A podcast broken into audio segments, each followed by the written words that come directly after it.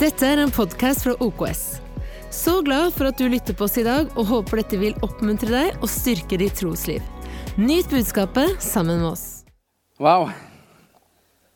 Første setning i notatene. Neste år stiller jeg med farskapstest i forhold til likhet med, med OG. Yes, For en ære å få lov til å si noe til alle dere som uh, har satt av tiden til å komme hit. Jeg håper det betyr noe midt i uh, alt det fantastiske vi har fått lov til å høre så langt. Og eh, Det er veldig enkle ting, det som jeg skal si de ti minuttene jeg har fått her. Og overskriften den kommer på skjermen her. Den heter 'Møtt der du er', og brakt dit du ikke kunne komme selv. Og jeg, jeg sa faktisk til meg sjæl før konferansen begynte, at hvis jeg får lov til å si noe på konferansen, så er det akkurat det her jeg har lyst til å si. Og det, det er litt i tråd med noen av de tingene Andreas har delt også. Og jeg håper at det jeg skal si, det kan eh, spesielt oppmuntre deg som er frustrert over at du ikke har kommet lenger enn hva du skulle ønske, eller at det du leder, ikke har kommet lenger enn du skulle ønske. Menigheten, eh, deg selv, eh, de du leder, det kan bety så mangt.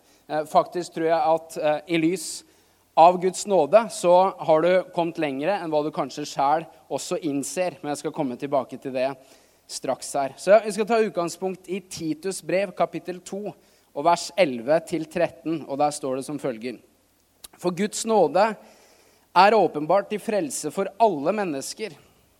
Den oppdrar oss til å si nei til et ugudelig liv og verdslige lyster og leve forstandig, rettskaffent og gudfryktig i den verden som nå er. Så Guds nåde, den frelser oss. Det er eh, ABC. Men så står det at den oppdrar oss.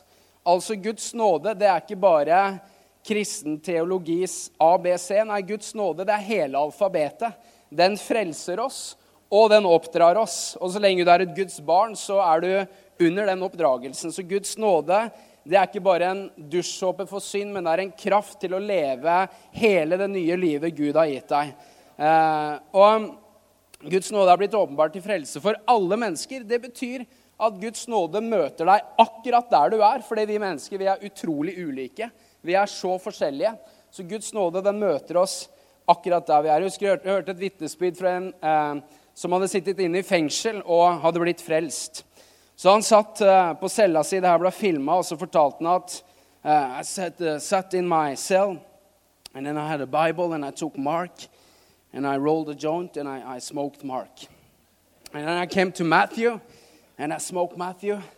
And the next day I came to, to Luke and I smoked Luke. Uh, but the next day I came to John, and then John smoked me. Han ble møtt der han var, og tatt til et sted han ikke kunne komme selv. Jeg har ikke samme fortelling, men uh, jeg, lang historie kort. Jeg er jeg var ett år når mamma og pappa ble frelst som en frukt av at Åge og lillemor planta den kirka her, så jeg vokste opp i huset her. Eh, men så gjorde jeg en omvei eh, på seks år i tenåra fra jeg var 13 til jeg var 19. Og Jeg hadde bare lyst til å skryte av Guds nåde de minuttene her og fortelle litt om min egen reise, om hvordan jeg ble møtt akkurat her jeg var, og har blitt brakt her jeg står nå, hvor jeg ikke kunne komme på egen hånd. Eh, I 2003 så var jeg på en gudstjeneste her eh, og fikk høre en pastor som heter Ray McColney. Og det var, det var en opplevelse av at hele prekenen den, den, var skreddersydd til meg. Virkelig en opplevelse av å bli møtt der jeg var. Fordi fra jeg var 13 til jeg var 19, så eh, levde jeg et liv i sus og dus. Jeg pådro meg et rusproblem og litt sånn småkriminell livsstil. Jeg, jeg vet, hashtag babyface. Jeg har kommet langt med det babyfacet her og lurt mange mennesker med det. Takk Gud for babyface. Jeg er en god gutt, men jeg er en lur gutt òg.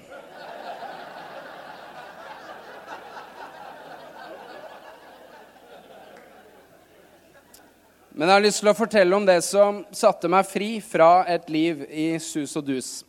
Fordi jeg, jeg kom her i 2003 og fikk høre evangeliet på en måte som traff meg på, på en fantastisk måte. Og jeg fikk eh, greie på at de har bibelskole i kirka her, så tenkte den må jeg gå på. For jeg skal finne ut av hva som er meninga med livet. Jeg skrev det på bibelskolesøknaden.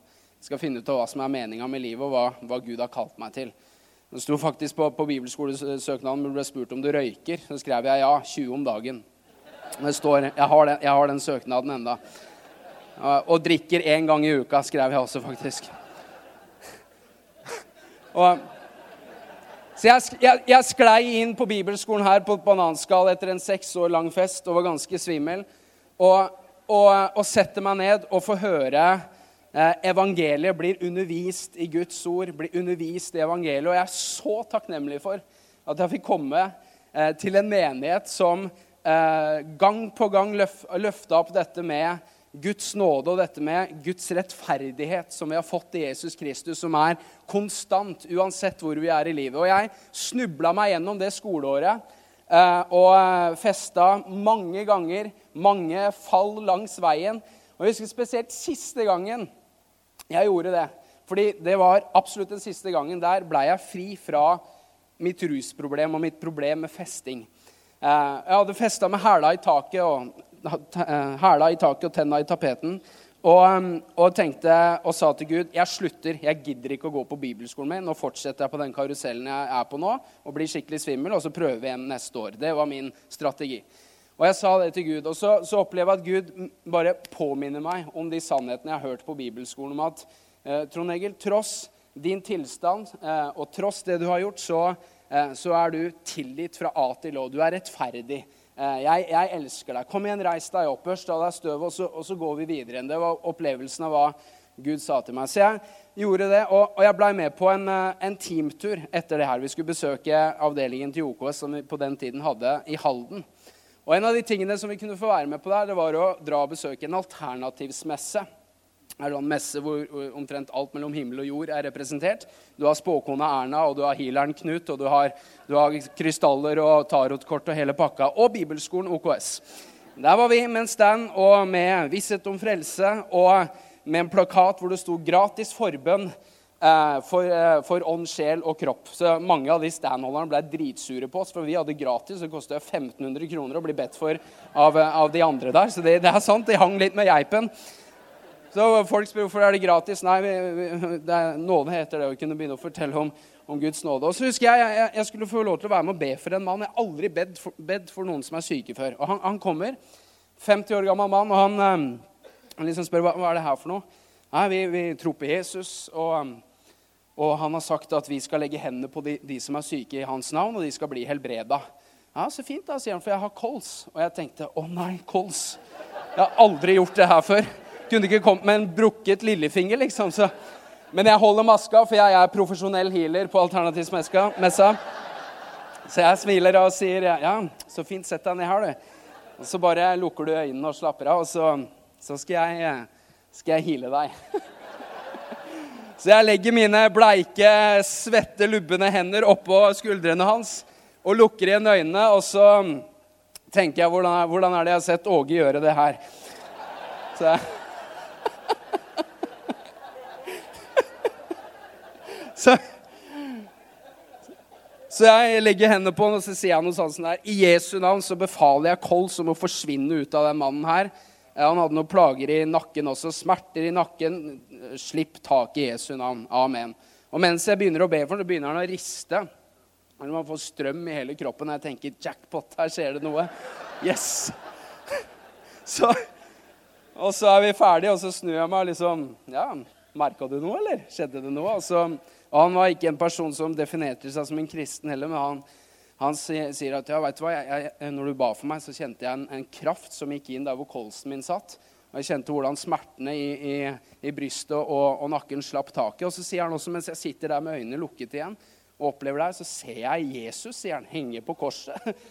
Og, og, du kan si det sånn at Han var veldig åpen for å høre om hvorfor han måtte henge på det korset. Jeg fikk lede han til tro på Jesus. Han fikk ta imot Jesus der og da. Og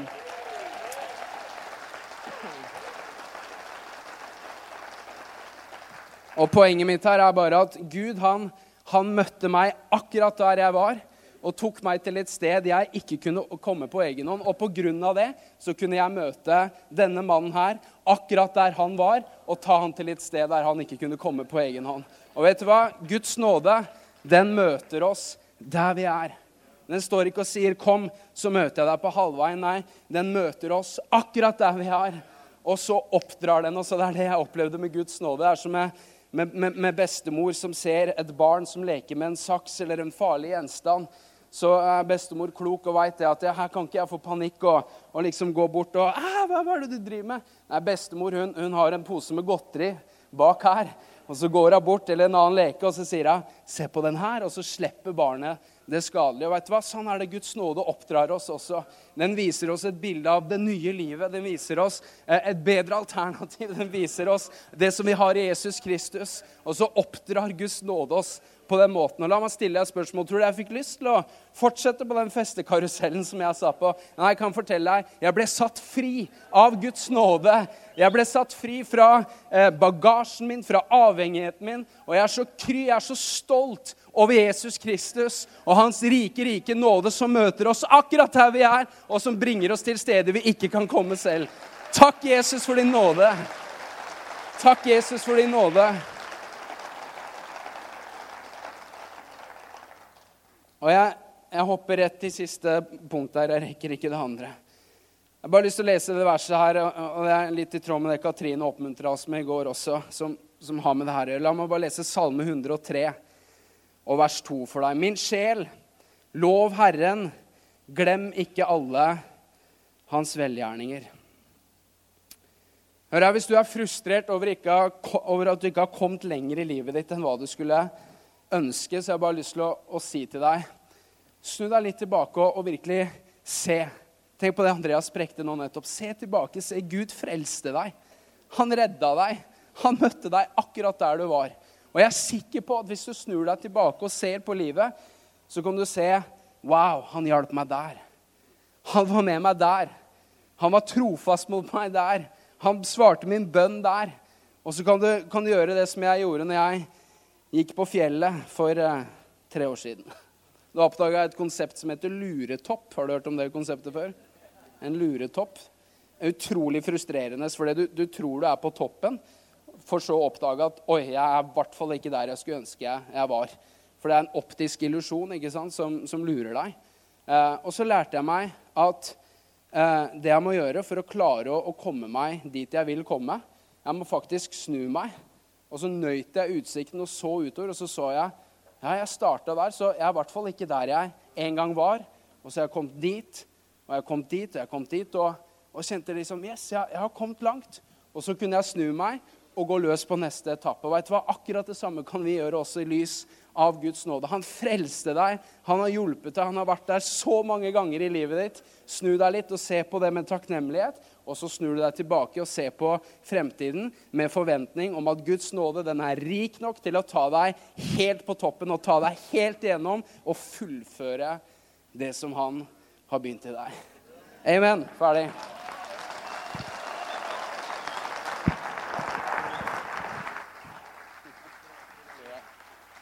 Wow. Det er så bra. Selv om har, vi har mye gøy med Trond Egil, og vi, han har det gøy med oss, så har jeg enorm respekt for den mannen. Og han uh, betyr så mye for denne kirka her at du har ingen anelse. Og er virkelig en av pilarene i det daglige arbeidet. Takk skal du ha, Trond Egil. Dere vil få høre mer til han i årene som kommer.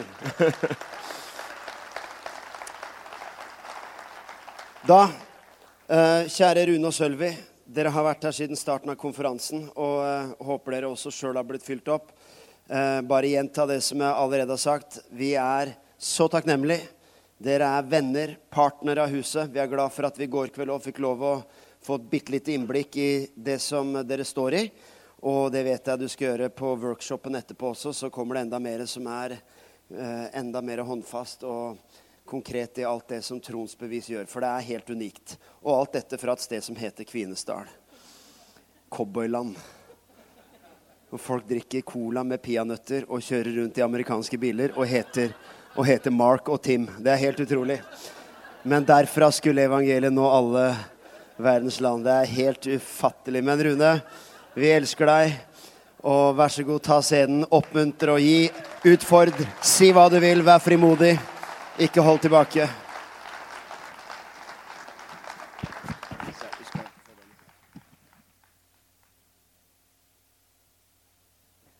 Takk skal du ha, Thomas. Du vet, Det er godt for oss å komme til byen, vet du. Og treffe skikkelige folk. Du, eh, nå er jeg blitt lurt, altså. For han, eh, han trodde jeg var en sånn snill gutt. Eh, og nummer to er liksom å sette inn en Hva, hva du kalte det for? En, en, en fortaler. Sånn som jeg kjenner det nå, kan det bare gå nedover. Ja, fantastisk fint å høre. Og um, vi må jo bare gjensidig si uh, at uh, det er bare fantastisk fint å være sammen med dere. Uh, og ja, Vi kan ikke bruke for mye tid på det, for i dag har jeg så dårlig tid.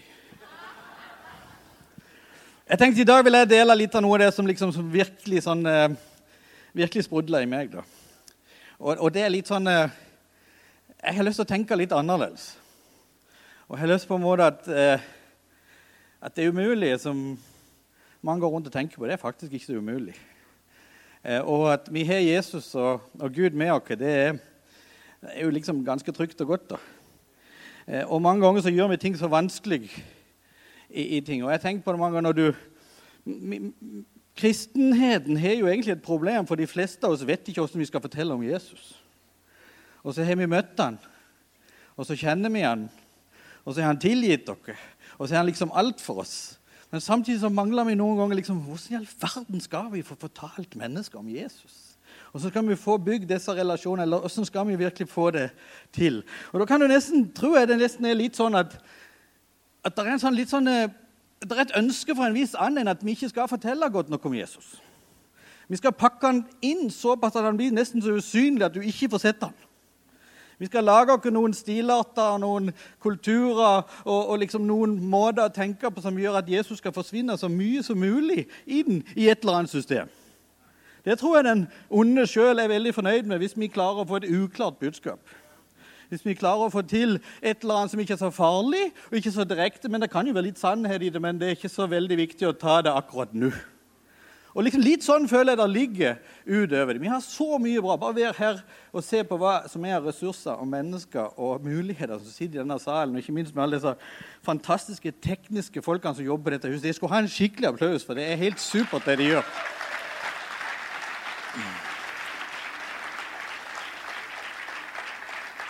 Så litt, mitt budskap i dag er litt sånn nå må vi sannelig se å få pakka ut Jesus. For vi har pakka han inn i alt mulig slags rart. Og Når folk møter Jesus i Skandinavia og Vesten, så møter de faktisk en hel drøss med helt annet som andre har kommentert og lagt på, og, og satt et avtrykk som ikke er så flott som vi hørte akkurat nå, med den nåde og den, det som mennesker skal møte. Og Da har jeg lyst til å vise dere en dame som kom opp på skjermen her. Den dama heter Noelina. Hun er handikappa. Hun har ikke ordentlige bein. Hun har ikke vokst ut skikkelig på Og hun har en sånn sykkel som hun kan komme seg rundt med, for hun har ennå hender. Og hun har en, en, rullestol. Og så bor hun i et område i Uganda hvor er, hun har to sånne små skur eh, som hun hadde klart å få til i livet. Men den dama der, med de utfordringene, så tenker vi med i gang at her må det jo være et liv full av utfordringer. Hun tar seg av 51 stort handikappa barn alene. Og da begynner jeg å tenke på, når du blir, får, får liksom snakke og sitte sammen med et sånt et menneske Hva i all verden er det som bor i deg? For jeg hadde hatt nok med mine egne problemer. Jeg hadde funnet ut at Nå må helsevesenet til. Nå må de komme her, og nå må ha de og de ordningene. Og det må jo være fantastisk mye at vi som har det sånn her. Det er jo ikke akkurat sånn i Uganda. da. Men, Og så fikk jeg lov å sette meg ned sammen med dette mennesket her. Og mens jeg var sammen med henne, så kan jeg få opp neste bilde. så traff jeg disse her. Hun som ligger der på høyre side for dere. Hun er 24 år gammel. Hun er dødssyk av aids. Hun har nettopp vært på sykehuset og skulle ha behandling fordi at hun har hatt noen store problemer i føttene. Og nå siden hun var så skal vi si, klein i utgangspunktet, så orket ikke legene å koste noe penger på. Så de tok like godt å kutte av hælscenen hennes, for det var ikke nødvendig at hun trengte gå. Men allikevel så overlevde hun litt til. Hun har blitt misbrukt og ødelagt av mennesker i et helt liv. 24 år gammel, tre dager etterpå, så reiste hun hjem til Jesus. Og han gutten som sitter der Du ser hans handikap. Han ble stengt inne av mamma og pappaen sin i sju år i et mørkt skur For de var flaue over å ha sånn en gutt. Og de solgte han til folk som gikk inn i det skuret og gjorde forferdelige ting med den gutten. Men så hører Noelina om han. Av tusenvis av andre mennesker som bodde i det området, så var det hun som krøyp til de foreldrene som han hadde, og klarte å kjøpe henne ut og tok han med seg hjem til sitt hus. Denne som, jenta som ligger der som døde, så ser en liten baby som sitter på sida. Den hadde ei 13 års gammel jente kommet og lagt en plastikkpose ut forbi huset til Noelina. Hun ville ikke at noen skulle vite at hun hadde vært gravid. Hvorfor? Alle vet at Noelina hun kan vi gå til når det er noe. Ikke til presten og pastoren, kanskje. Ikke til politi og helsevesen. Men de vet i den landsbyen der så er det ett menneske som de kan komme. Og når jeg satt inne på det rommet med henne og hørte og så den gnisten i øynene som hun hadde, så tenkte jeg hva i all verden er det som bor i deg? Og jeg prøvde liksom å tenke etter Rune, du er jo egentlig litt god, du òg.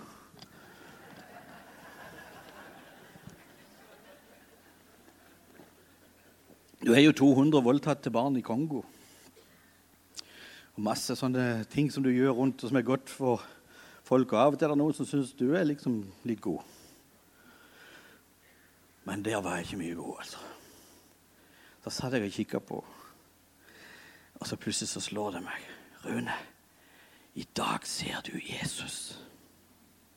Det var akkurat som det ble åpenbart for meg. At her har du evangeliet og Jesus pakka ut fullstendig åpent. Jo, her sitter nå Elina. Hun er en kristen, hun er en troende, og hun har tatt oppdraget på ordentlig. Hvis det var noe sted i verden jeg ville gå med noe, så var det til noe Elina. Nå er det kanskje, siden jeg er situert ganske godt, tatt med meg noe penger òg. Men skjønner du hva jeg mener? Der har du noe av det som jeg tror vi som kristne og troende er. Vi skal være det som mennesker trenger. Vi skal komme og by på det som mennesker trenger. Og vi skal være leveransen av kjærlighet. Vi skal være de som folk kan si at i alle fall så kan vi gå til de, om ingen andre svikter. Eh. Sånne folk som jeg treffer der, det må jeg si, det, jeg har møtt mange av de der storkanonene i verden som de sier, som ligger på høyt på rankingen av de kristne ledere. Ingen har ennå slått to. Sånne ledere vil være. Og da Tusen takk. Og Da vil vi gå litt sånn videre, for, for her handler det litt om å, å, snu ting litt opp ned. Og når Jeg som, jeg, jeg har et pensum som, som misjonær, misjonsleder, noen kaller for misjonsgeneral. Det høres himlen rart ut. Eh, men jeg, jeg, leser faktisk jeg leser faktisk misjonsbefalinger én gang i uka.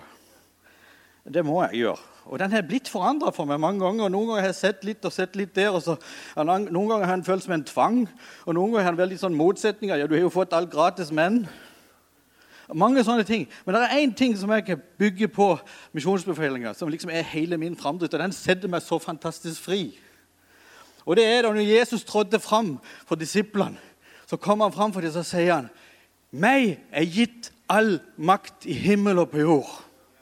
Og så kommer plutselig Skal jeg gå ut fordi jeg syns synd på han, eller han var så snill? Nei! Så sier det plutselig seg sjøl. Gå derfor ut! Hvorfor? Fordi du skal få til noe? Nei, fordi at han har all makt i himmel og på jord. Og Plutselig så er liksom svaret tilbake. alle, Hvorfor han gjør det, hvorfor gjør det, og er det meg eller er det den? Hvordan skal vi gjøre det? Nei, det er jo fordi han har all makt i himmel og på jord. Enkelt å forholde seg til. Og ikke minst, hva er det du har i ryggen da når du går ut? Du har ikke et menighetsråd. Eller i grupper med smart tenkende individer som har satt seg ned det strategien for i år.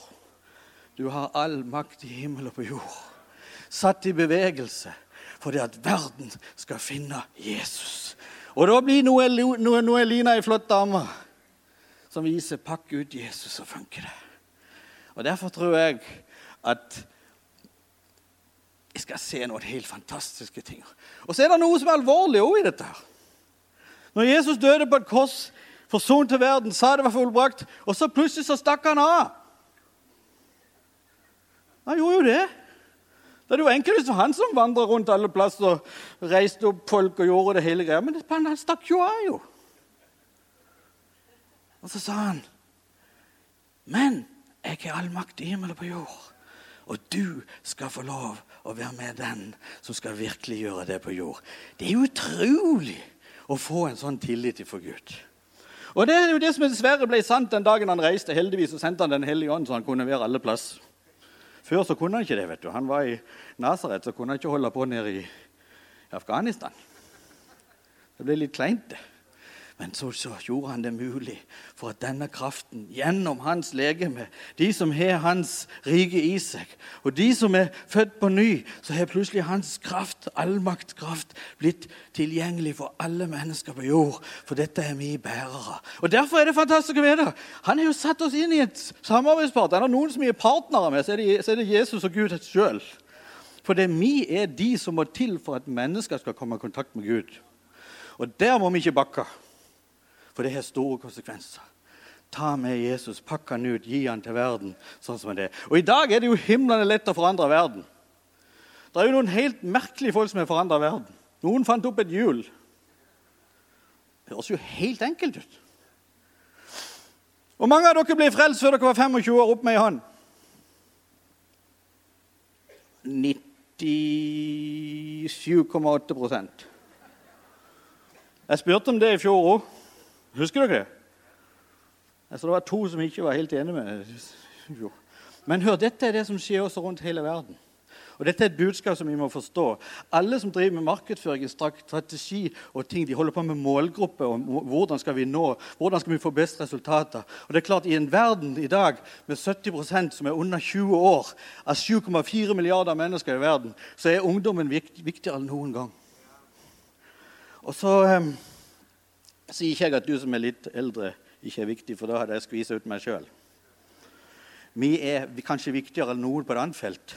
Vi har litt dårligere tid til å få med våre venner. Det var veldig så tørt jeg prekte i dag. Oi! Jeg skal prøve å snu hodet ditt litt. Jeg fant denne her på Internett, så den er ikke min egen. Jeg skal vise deg en liten videosnutt altså liksom, Åssen hadde du tenkt hvis du kom i denne situasjonen her? Så nå kom det en video. Jeg håper skryten til det tekniske nå funker.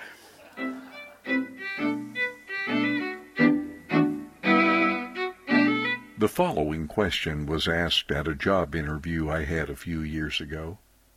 The question inspired me to change my outlook and how I approach problems. You are driving along in your car on a wild, stormy night. You pass by a bus stop and you see three people waiting for the bus. An old lady who looks as if she's about to die, an old friend who once saved your life, the perfect man or woman you've been dreaming about. Which one would you choose to offer a ride to, knowing that there could only be one passenger in your car? Think before you continue reading. This is a moral, ethical dilemma that was once actually used as part of a job application. You could pick up the old lady because she's going to die and thus you should save her first. Or you could take the old friend because he once saved your life and this would be the perfect chance to pay him back. However, you may never be able to find your perfect dream lover again. The candidate who was hired out of 200 applicants had no trouble coming up with his answer. He simply answered, I would give the car keys to my old friend and let him take the lady to the hospital. I would stay behind and wait for the bus with the woman of my dreams.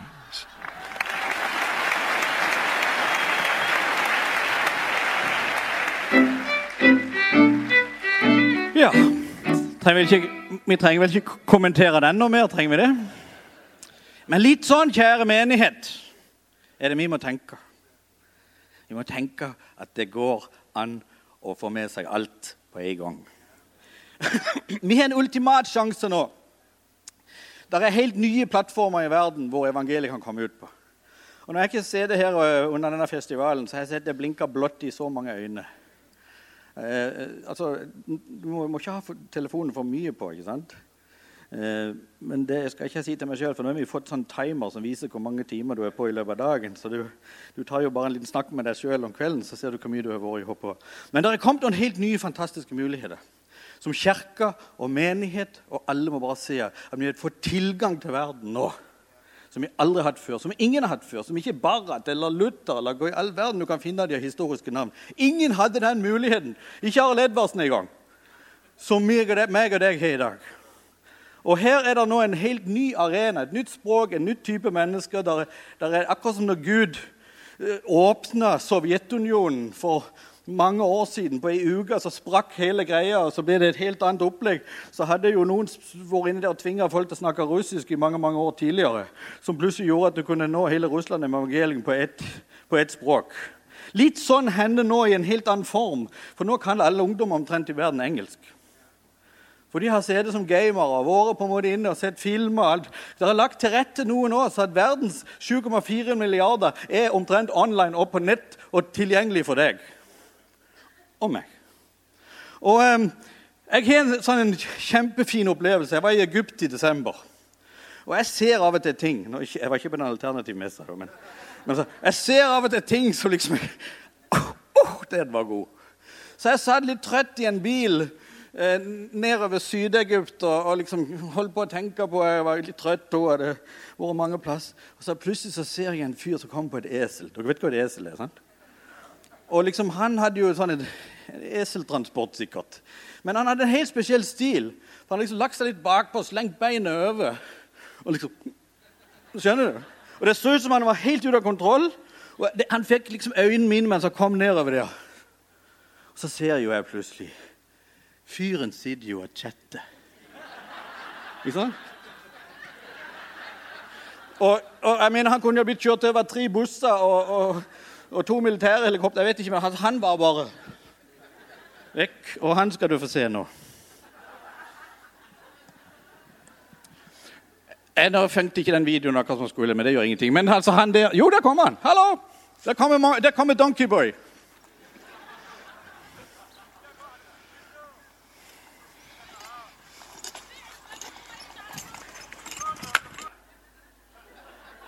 Så får vi et klikk. Der. Og så ser du Gå tilbake, gå tilbake! gå tilbake, gå tilbake! Stopp der. Fint, nydelig, helt perfekt. Det er sabla bra timing. Og så sier jeg, 'Hva ser du her?' Jo, du ser en fyr på esel med en telefon. Men her ser du access. Tida har kommet som vi kanskje har profetert og snakka om, at verden skal legges åpen for oss. Det skal ikke være grenser for evangeliet. Ingenting. Tenk om du var den som han fikk lov å sitte og snakke med. Og Her tror jeg vi må dra oss sjøl inn, for dette er mulig. Um, men du kan jo bli sånn som nestemann. Bare ta nestemann nå.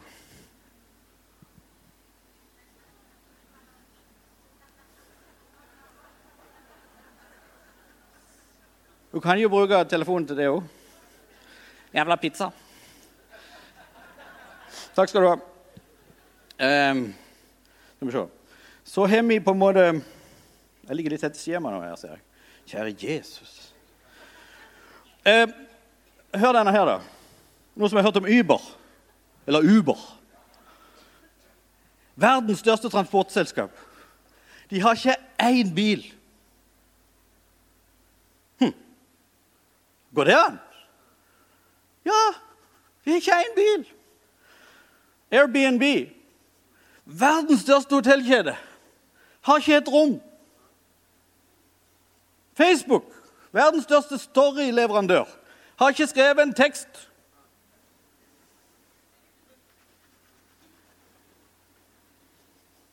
Hm. Jeg syns jeg er løye. Google, Apple Vet dere noe?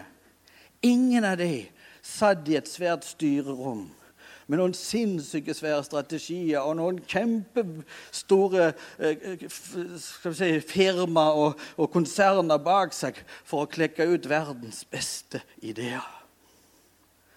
Hallo? De ideene sitter her. Noen av dere sitter på de ideene.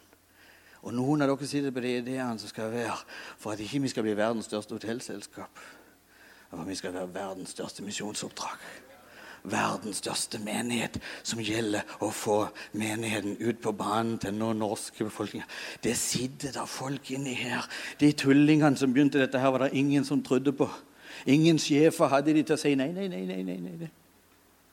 De trodde på det de så. Så snudde de ting opp ned. Og tenk så smart å ha verdens største taxiselskap uten én taxi.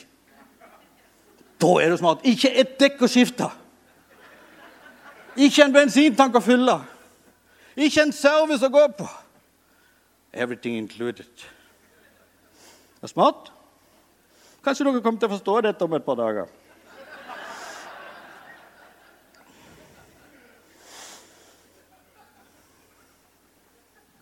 Jeg er jo, Noen som spør hvorfor jeg ser så shabby ut når jeg er kledd og sånn, med caps og alt, så sier de at uh, 'never trust a man in suit'. Og så Nummer to er det at disse gutta her, de hadde ikke noe sut på seg når de fant det ut. Men det er et alvor. Og her har jeg lyst til å oppmuntre sånne som Hikmat, som er her fra Midtøsten. Vet du hva jeg tror? Og jeg ser det tydeligere og tydeligere. tydeligere. Eh, for jeg beveger meg i en verden langt der ute hele tida. Og i dag er det sånn, kjære venner, prøv å høre på dette, snu dette på samme måten. I dag blir det flere muslimer frelst enn vestlige. Hva betyr det? Jo, om ikke lenge så vil muslimene være en positivt dragende part på vår side av, av, pallen til å forkynne evangeliet. Om ikke lenge vil de være de som forkynner dette ordet ut til hele verden, kanskje enda sterkere enn det vestlige verden gjør i dag. Det er en mulighet som er helt fantastisk, for de er inne i noe av det som vi hørte Andreas. I det nye, i det friske, i det å ta nytt land, det å fortelle med begeistring hvem Jesus er. Samme skjer blant buddhistene. Samme skjer blant hinduene i dag.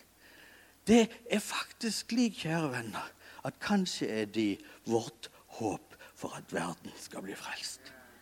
Hæ? Snu det opp ned. I Afrika bare så blir det 12 millioner som går fra islam til kristendom hvert år.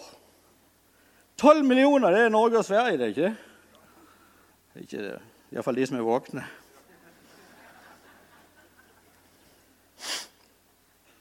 Jeg har så tro på at vi lever i en tid som vi skal se at Jesus kommer igjen.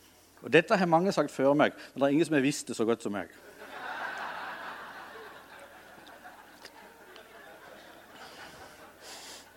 Jo, men hvorfor det? For jeg sier det er jo mulig nå.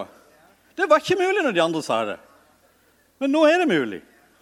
Når Frankrike skårer i VM-finalen, så vet hele verden på et 0,00000 sekund. Alle vet at det målet gikk i gålen. Jeg kunne ikke det før. Når Twitter-presidenten står opp om morgenen, så tar det et par hundredels makrosekund, så vet hele verden hva vi skal snakke om i dag. Men hvor er vi igjen?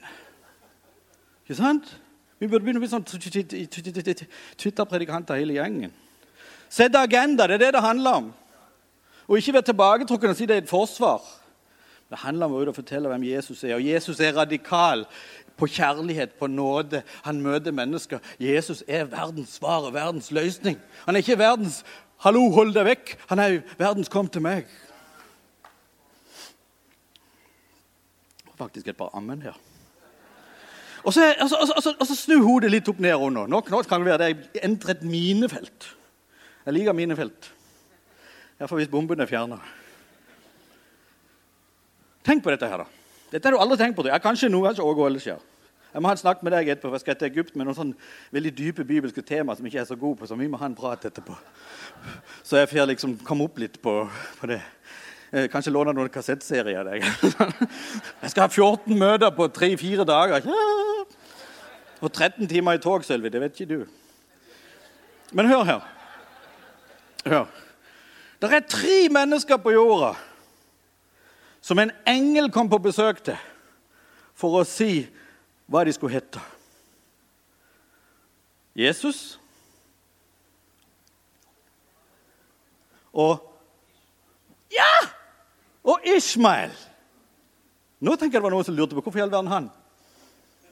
Tre har blitt besøkt spesielt for å få sitt navn av en engel. Jesus, Johannes og Ismael. Jeg vet ikke om jeg skal gå lenger inn på det punktet, for det kan være det blir mye avisskrivere i morgen. da. Men jeg har lyst til å si det, det er en tid hvor vi ikke må glemme at den arabiske og Ismaels ett har fått en velsignelse på størrelse med alt annet på jord. Det skal bli til et stort folk. Det skal være til velsignelse. Og det er noe som vi kristne kanskje i Vesten har laga vår egne innpakningsprofilering av forskjellige versjoner av hvordan ting skulle være i verden, som ikke er sant. Og det er blitt på en måte, pakka inn fordi at ikke vi skulle komme til frelse for mest mulig folk. Men i dag så er det en vekkelse i araberverden. Det er en hunger i araberverden. Det er kamp, det er forfølgelse, det er mennesker som dør. Men det har det vært siden den dagen evangeliet spaserte ut av Jerusalem. Det starta med at én døde. Men vi er i tider nå, kjære venner, som er bare Ikke gå ned nå. Gå opp på fjellet og se. Nå er det mulig å innta landet.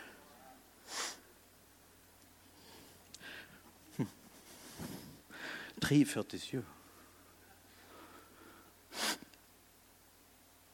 Og Det som er så spennende så, La meg bare ta en sånn snu opp ned nå, nå. Det må være noe veldig bra med de muslimene. For det er for hver million muslim så er det én misjonær. Tre unnskyld, tre misjonærer for hver million. Det er ikke mange. Hvor mange, er det for, hvor mange misjonærer er det her? For Norge? For Sverige? Noe må det være.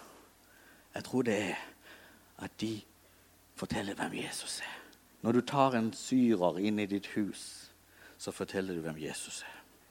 Når du kommer fra Libanon. Når vi tar en svensk inn i Norge, så begynner det å nærme seg. Tilgi meg, Gud. Andreas, jeg sa ikke det pga. at det var noe mellom nordmenn og svenskene. Det var mer for å gjøre skam på den norske tanken. Yes. Og jeg tror på en måte at vi går inn i tider nå pga. det med teknologi og moderne tenkning, og at alle har tilgang til informasjon som gjør at disse store verdensreligionene er på fall. Fordi at nå er det opplysningens tid. Sekularismen er vår beste venn for tida når det gjelder alle de andre religionene, ikke vår egen. Men det holder på å ta livet av de andre religionene på innsida. Og vi kommer til å se at det åpner seg opp, og da må vi ha pakka ut Jesus. Så ikke de får en Jesus som sier nei. Ikke du, men Jesus som sier 'kom'. Akkurat du. Akkurat du. Og det er det jeg har gitt på en måte livet mitt. Det er det troens vis, og det er derfor vi er sammen med OKS. og vi vet akkurat det samme. Og det er derfor vi er kommet her til jorda. Jeg får absolutt å være den største skrytpaven på jord når det gjelder å fortelle hvem Jesus er, hvor stor hans nåde er, hvor tilgjengelig han er, og hvor lett det kommer til han. Det er det, det som vi har fått lov til å være bærere. Da eh, tror jeg jeg vil lande. Men det er alvorlig, og kanskje enda mer alvorlig nå enn det var for 20 år siden. Fordi at nå er det ingen unnskyldning for at det ikke er mulig. Nå er det mulig. Så la oss være med å bringe Jesus til folket. Og det er vi som bærer han, for det er han har all makt i himmel og på jord. Og Jeg har lyst til å ta et bilde til som kommer på slutten, for du trenger ikke ha fullt armer og bein for å få det til. Det er mange som har så mye armer og bein at du ser ikke folkene. Men jeg bare skal si han der jeg vet vi jo mange som kjenner. Men Vietnam, som jeg jobber i nå, har vært stengt for evangeliet lenge. Vet du hvem som åpna døren i, i Vietnam? Han. Og han gjorde ikke fordi han skulle på møte, men det var noen forretningsfolk i Vietnam i 2016 som så et eller annet av hans foredrag. Tenkte de han må vi få inn i landet, for han har en sånn spirit som gjør at våre ungdom skal blomstre, våre ungdom skal vokse.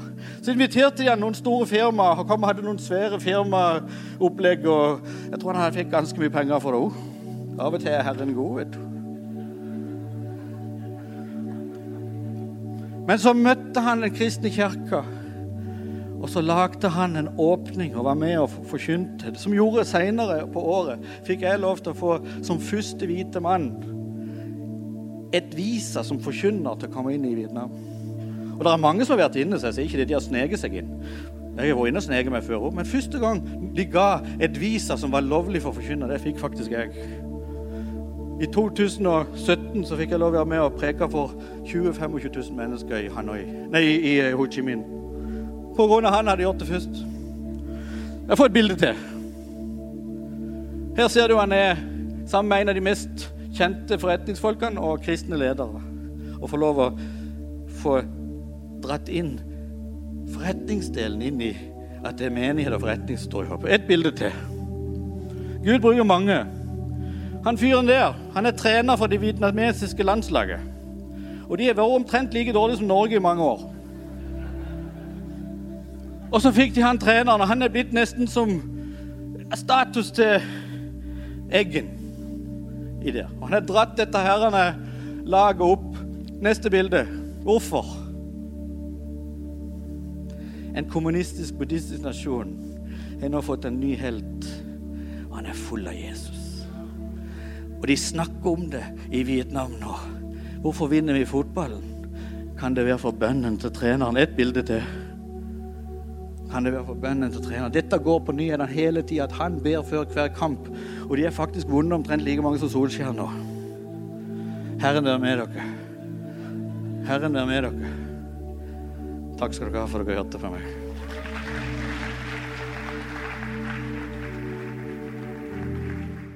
Takk for at du tok deg tid til å lytte på en av våre podcaster fra OKS. Vår visjon er å bringe Jesus til mennesker i vår verden, og mennesker i vår verden til Jesus. Følg oss ellers på vår YouTube-kanal og sosiale medier. Du er velkommen til å besøke en av våre kirker. For mer informasjon, sjekk ut oks.no.